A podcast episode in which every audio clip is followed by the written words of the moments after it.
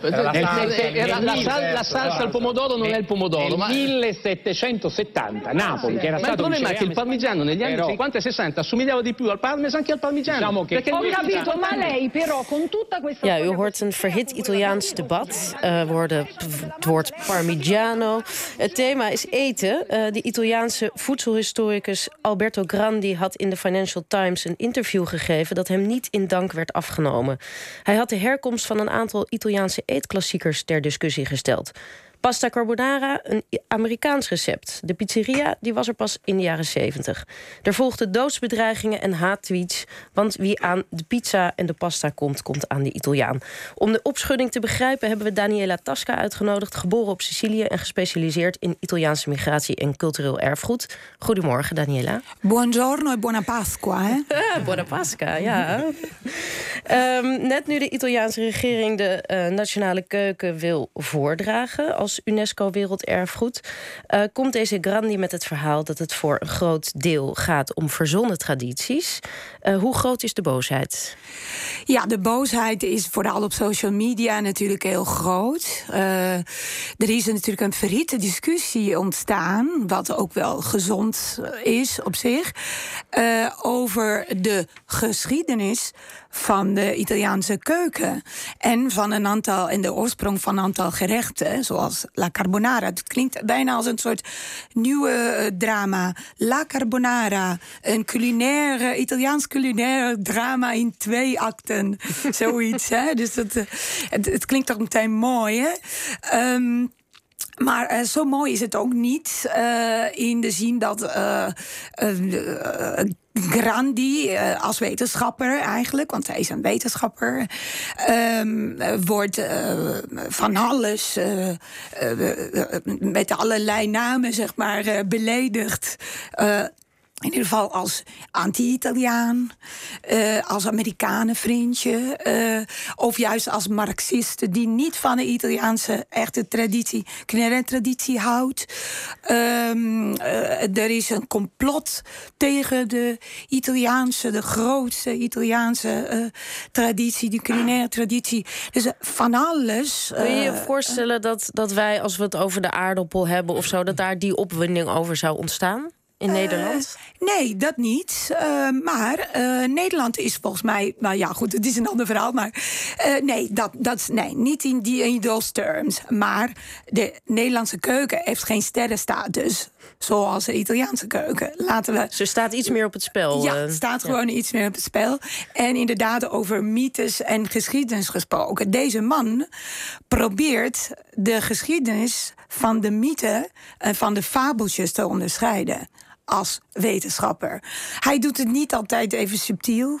Maar hij vindt het volgens mij ook wel grappig eh, in de interviews. Hij is eh. wel, hij is wel, hij is wel een ontzettend ironische, eh zelfspot, veel, vol zelfspot man. Hij heeft het over zichzelf, over ja, ik moet van, waarschijnlijk als een Salman Rushdie me laten escorteren, want ja, ik ben niet meer veilig in, in Italië. Niet dat hij echt zulke bedreigingen ontvangen Dus hij heeft. vindt die hoor. martelaarstatus vindt hij wel een beetje leuk. Ja, Martin, het is, hij is vooral een afvallige. Ja, ja, ja precies. Ja. Kan je een, een, eh, een mooi eh, voorbeeld van zo'n eh, mythe geven die door Grandi ontmaskerd wordt? Ja, we hoorden het net. eh, bijvoorbeeld eh, Parmigiano, Parmigiano Reggiano, dat is eh, kaas. En wij zijn gewend tegenwoordig, ook in Nederland, om die joekels van 40 kilo, gewoon harde kaas, zo'n wiel van Parmigiano te zien. Ehm, ehm, en ja, dat is voor ons en voor, ook voor Italianen, dat is Parmigiano. Maar Grandi zegt, luister eens, het is niet helemaal zoals het Parmigiano. Oorspronkelijk is het oud product. Dus wel een oorspronkelijk product uit Italië. Uit dat gebied van de Parma en eh, het noorden.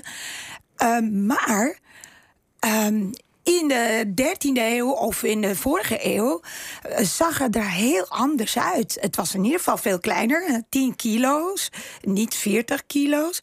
En eh zachter, een soort Hollandse kaas zou ik zeggen, achtig iets. Eh, dus een heel, andere, een heel ander product. En nu is het gewoon doorgeëvolueerd. Maar vroeger was het niet zo. En als jij En als wij dus de oorspronkelijke kaas willen eh, proeven of meemaken, moeten we in Wisconsin zijn, in Amerika, waar eh, de vorige eeuw de Italiaanse migranten eh, daar dus de, de oorspronkelijke het oorspronkelijke recept hebben eh, gemaakt. En nog steeds dus bestaat de parmezaan of parmesan eh, zoals het vroeger was. Nou, dat kun je natuurlijk niet maken. Hè? Dus dat de parmigiano door migrant, arme migranten eh, eh, uit Italië in Amerika eigenlijk eh, nog steeds voortbestaat. Maar het is, die discussie natuurlijk wordt heel erg zwart-wit gemaakt. Want wat hij dus probeert te zeggen is juist dat het product, eh, dat de geschiedenis is anders dan eh, de market, het marketingverhaal. Eh, dat natuurlijk daarnaast, naast de consortio Parmigiano en dus de belangen, de grote, enorme economische belangen die daarmee te maken hebben, is ontstaan. Dus En hij zegt ook dat carbonara, dus dat recept eh, volgens hem stamt uit de jaren 50 eh, uit Chicago. En dat de varkenswang, die, eh, die belangrijk is voor de carbonara op dit moment, pas in de jaren 90 is bedacht. Dat, Ja. dat, dat dat het product moet zijn om ja, dat, carbonara dat klopt. Dus ik heb, nogmaals, ik zie hem als een wetenschapper. Dus niet als een complotdenker of, of iemand die de boel wil belazeren. Hè? Dus wat hij zegt is gebaseerd of op eigen onderzoek of op bestaande literatuur. En inderdaad, het recept van een carbonara, het eerste recept, receptuur van carbonara, komt in Amerika voor. Want eh, wat er gebeurd is, in 1945 waren de Amerikanen, eh, de geallieerden natuurlijk, hadden ze Italië bevrijd. Of bezet. Nou, laten we dat in het midden. En ehm, zij moesten ook wat eten. En in Rome eh, was natuurlijk in 45, zoals in heel Europa, was niet zoveel te eten te vinden.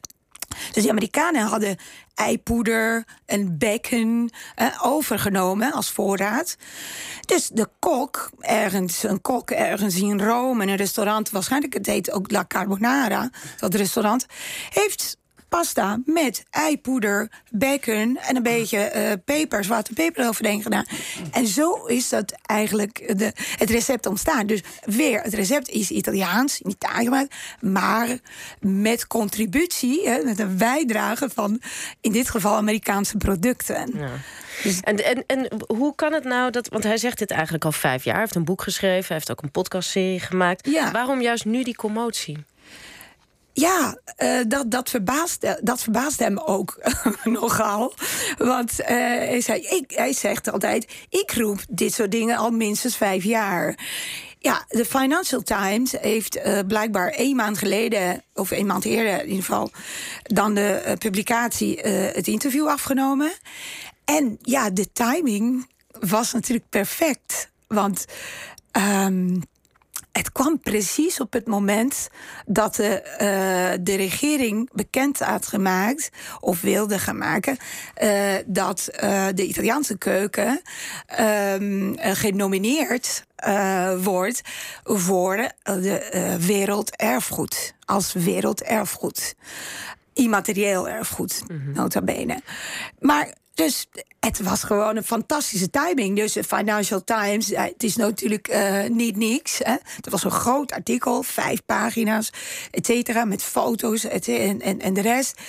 Ja, het was gewoon, eh, ja... Maar is hij dan een factor in het wel of niet toekennen van het Italiaanse eten als immaterieel erfgoed? Ik bedoel, kan, het nog, kan hij het in de weg zitten? Nee, zelf, Grandi bedoel je? Ja? Nee, helemaal niet. Hij heeft daar, nee, hij heeft daar geen macht. Eh, hij is nogmaals dus een wetenschapper. Hij heeft het boek geschreven, hij heeft een podcastserie. Eh, en hij neemt al die, inderdaad, die eh, mythes en valse mythes gewoon door, onder de loep. En, en, en ja, verder is dat natuurlijk geen.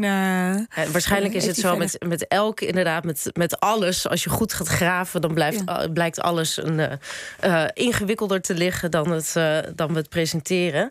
Ja, Ehm, natuurlijk. Maar het heeft ook met de Made in Italy te maken. Hè? Het verhaal van de Made in Italy is heel belangrijk daarin. De Made in Italy is natuurlijk wel de brand, het merk van uh, Italië geworden ja. vanaf de jaren 60 en helemaal in de jaren 90. Dus, en dat is dus het grote belangen uh, van Italië en van ook van deze rechtse en populistische regering. Ja, ja, ja, die uh, ziet de Made in Italy en dus Italiaanse keuken als paradepaardje. En ja, nou goed, ik zou zeggen, het maakt allemaal niet uit. Het blijft lekker eten en uh, daar, ja, daar dat gaat niet veranderen. Kijf, dus, uh... Goed, Daniela Tesca, hartelijk dank voor je komst.